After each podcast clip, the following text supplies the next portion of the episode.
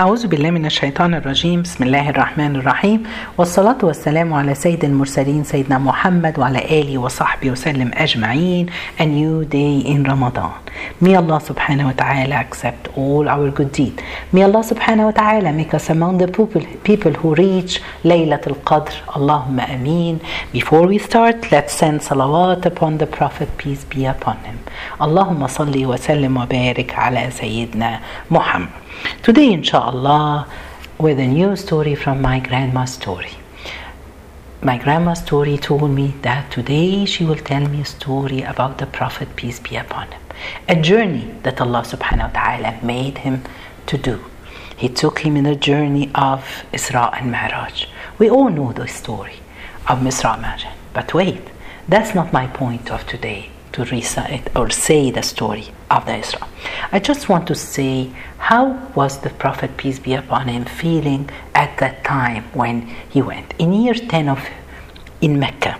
Before that, subhanallah, the Prophet peace be upon him and the believers they suffered a lot from the people of Quraysh. They tortured them. They they disbelieved in Allah subhanahu wa ta'ala. Uh, they, they, subhanallah, they suffered a lot in their da'wah of the Prophet, peace be upon him. When people used to come to Mecca and the Prophet talked to them, introducing Islam to them, the people of Quraysh, they used to uh, uh, stand and trying to distract them not to listen to the Prophet, peace be upon him. And then after that, what did they do? It came the year of sadness. Am al-Huzn, when his uncle passed away and because he was the supporter for him with Quraysh and then in the same year his wife Khadija passed away. So that's why they called him the year of sadness. The prophet felt so bad no support inside his home or outside his home. He used when he suffered from outside to come and to talk to his wife to support him. But now she's not there for him. So he had a broken heart. Then, subhanallah, Allah subhanahu wa ta'ala, one night, then uh, the, after that, the Prophet decided to go to Al Ta'if, where it's far away, 100, it's, it was far, 100 kilometer. He walked and he went to call the people of Ta'if to believe in Allah subhanahu wa ta'ala. But what happened there? They didn't believe him, they didn't listen to him, even they as they started to beat him with uh, to, to, to stone him with some uh, stones and he was bleeding and then he came back to mecca he felt so so bad he had a broken heart at that time but allah is there. Allah knows what he's going through. And allah knows what we all going through. If we have a problem allah only he's the one who knows everything. Then he went to bed and then Allah subhanahu wa ta'ala sent Jibreel to him. Jibreel woke him up and he said, Let's go for a journey together. Then he went out, he saw the buraq. The buraq is the it's the like a horse or unicorn, something it's uh, subhanallah, it's an animal it that always uh, Jibreel comes with. It's for it's like the transportation system for all the prophets. Then he took him and he asked the prophet to ride on the buraq. When they started, they took he took him in the journey to from Mecca to Palestine to the Al-Aqsa Mosque. When he arrived there, Allah subhanahu wa ta'ala revealed this story, this verse in Surah Al Isra of the night journey. Allah subhanahu wa ta'ala is saying, Glory is to him who took his servant Muhammad for a journey by night from the holy mosque of Mecca at Mecca to the far mosque at Jerusalem, the area around which we have blessed, so as so as to let him see of our sign. Verily, he is the all hearer, the all seer. Allah subhanahu wa ta'ala, He hear and He see what you're going through. He feels and He knows everyone's heart what we're going through. Then the Prophet arrived there and in the Masjid al-Aqsa and he saw all the prophets before him. Allah sent them down and they prayed behind. He saw all the prophets that they suffered like him. Allah wants to give him the message. Allah is with you.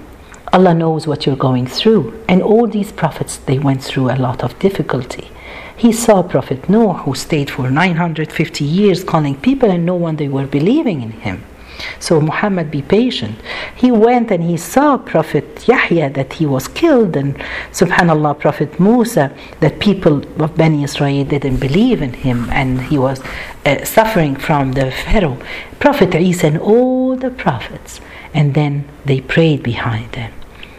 Allah subhanahu wa ta'ala want to tell him, you are the Imam of all creation. All the, the prophets want to say, tell him, still, still be patient and Allah will give you the support. Allah subhanahu wa ta'ala pleased him with this journey. What I want to talk today about is the ibadah or the worshipping of Allah, of Jabr al Khawatir, pleasing other, concealing them. Subhanallah. Allah subhanahu wa ta'ala, uh, uh, this is a kind of worship that a lot of us we don't know about it. Is to pleasing other people, conceal their feeling, reform the broken hearts of the other people, recompense. So, this is what we want to say. Allah subhanahu wa ta'ala in Surah Al Ma'un, the chapter of the little kindness, Allah is saying, Have you seen him who denies the day of judge recompense? That is he who humiliates the orphans and doesn't urge feeling the needy. Woe to those performs of prayer. Subhanallah, who delay their prayer. Look here, Allah subhanahu wa ta'ala. He was talking about those people who break the hearts of the orphans. And those, uh, uh, subhanallah, they don't feed the needy people he brought the prayers, it's the last thing, subhanAllah, in the order to show us that this kind of worship. Sufyan al-Thawri told us that the most superior act in the sight of Allah is to gladden the heart of a Muslim. Subhanallah. It comes from the, Almighty, the mighty Allah, Al Jabbar. That's the name of Allah subhanahu wa ta'ala. How does it come from? It's come, subhanallah, Allah subhanahu wa ta'ala. Uh, uh, he's saying about the broken hearts, those people who conceal the hearts of the broken people. Subhanallah, somebody who's oppressed, somebody has a broken heart, he lost someone. The word Al Jabbar, it comes from the the splint, you know, when you have a broken hand or, or leg, they put the cast around it so it so the bone it can come you the best way to cure the broken this is the meaning of it cure the broken hearts help other people this is what we are talking about today subhanallah one time, Prophet Musa asked Allah subhanahu wa ta'ala, Tell me, Allah, where can I find you? He told him, You will find me where you find the broken hearts. Subhanallah, the weak one. So you have to uh, uh, conceal the weak ones, those who are poor, you can help the people. You know, sometimes you feel that it doesn't have only to be with the poor people. Sometimes you have a broken heart. You, felt that, uh, you know, you did a, a sin and you want to repent, oh Allah. So don't go and you feel this person coming to you, talking to you. Don't keep on uh, uh blaming him for what he has done. He already has a broken heart. He feel guilty about it. Subhanallah. Uh, uh what we want to say, guys, Allah subhanahu wa ta'ala, He's teaching us. This is a kind of ibadah that we all want to look for it.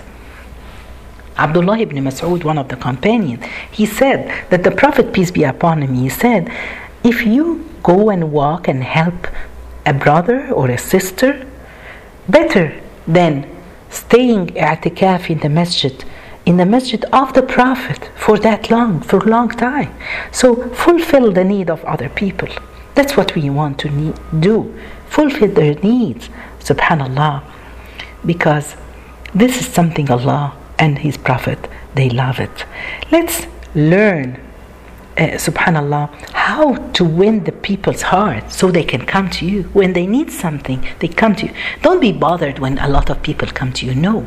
You have to be careful. That's a gift from Allah. How can we learn how we make people come to us when they need something? Let's learn from the Prophet, peace be upon. Him. The Prophet, peace be upon him, when he used to shake hands with someone, he is the first one to to to to give his hand to the other people. He never pulled his hand before the other people pull it from them. He looked at the eyes of the people when they come and talk to him.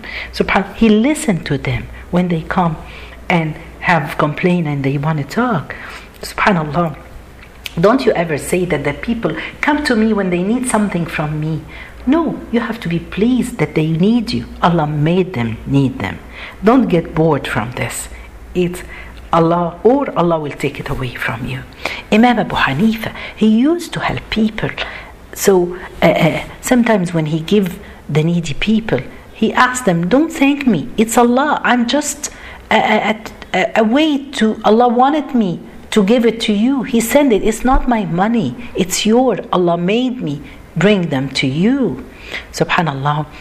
Uh, uh, uh a man went to uh, Ali ibn Abi Talib and he told him, I need something. So Ali asked him, Can you write it down, please, on the, on the floor, on the ground? They used to live in the desert. So he wrote it. So his sons, after the man left, Hassan al Hussein, they asked their dad, why did you ask him to write it down? He said, I don't want it to see it in his eyes that he has a broken heart. You know, when people go and ask someone, you know, it's, it's not an easy thing to ask people for what you want. So today's, our lesson, it's, it goes about concealing other people's heart. How can we do this? I came us. What are the lessons of today? Let's learn, subhanallah, how to be there for other people when they need you. I came up with some ideas.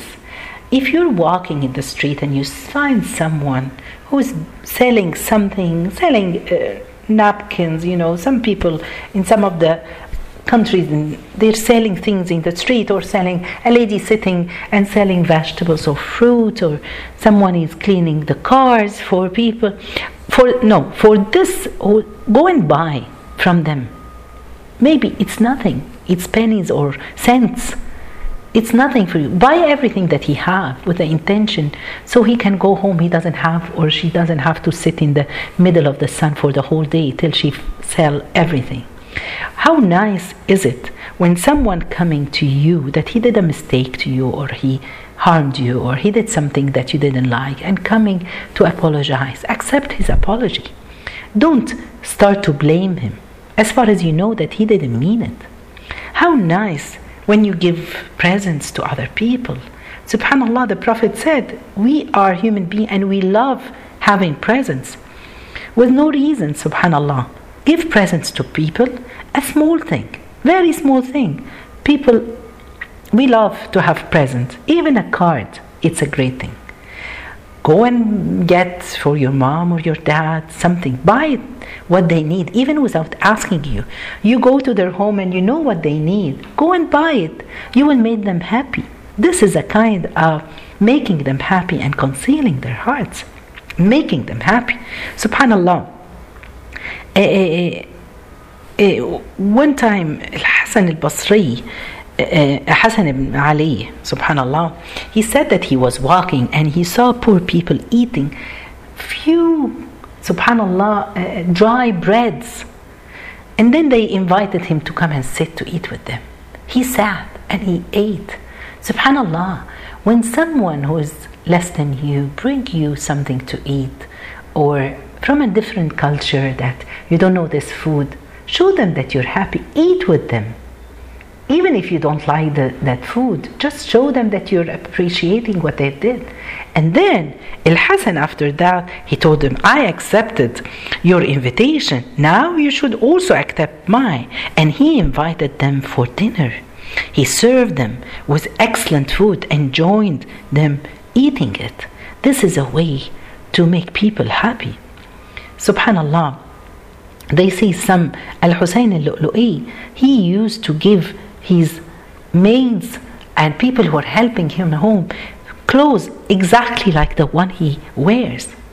Nowadays, subhanallah, people they oppress their wives or the husband or the orphans or subhanallah the widows.